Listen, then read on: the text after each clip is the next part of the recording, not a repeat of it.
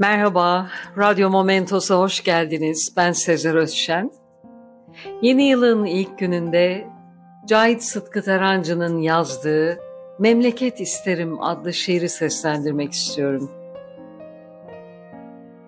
Memleket isterim, gök mavi, dal yeşil, tarla sarı olsun, kuşların, çiçeklerin diyarı olsun. Memleket isterim, ne başta dert, ne gönülde hasret olsun. Kardeş kavgasına bir nihayet olsun.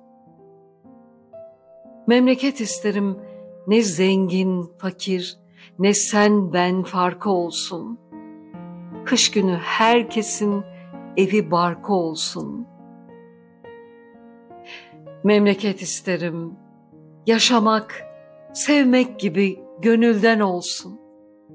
Olursa bir şikayet ölümden olsun. Böyle yazmış değerli şair Tarancı. Katılmamak mümkün mü yazdıklarına? Ölümün sıralı, toprakların verimli, insanların neşeli ve geleceğe güvenle baktıkları bir ülkeyi düşlemiyor muyuz hepimiz? Dilerim ki 2024 bunlara ulaşmak için beklediğimiz yıldır. Dinlediğiniz için teşekkürler. Hoşça kalın.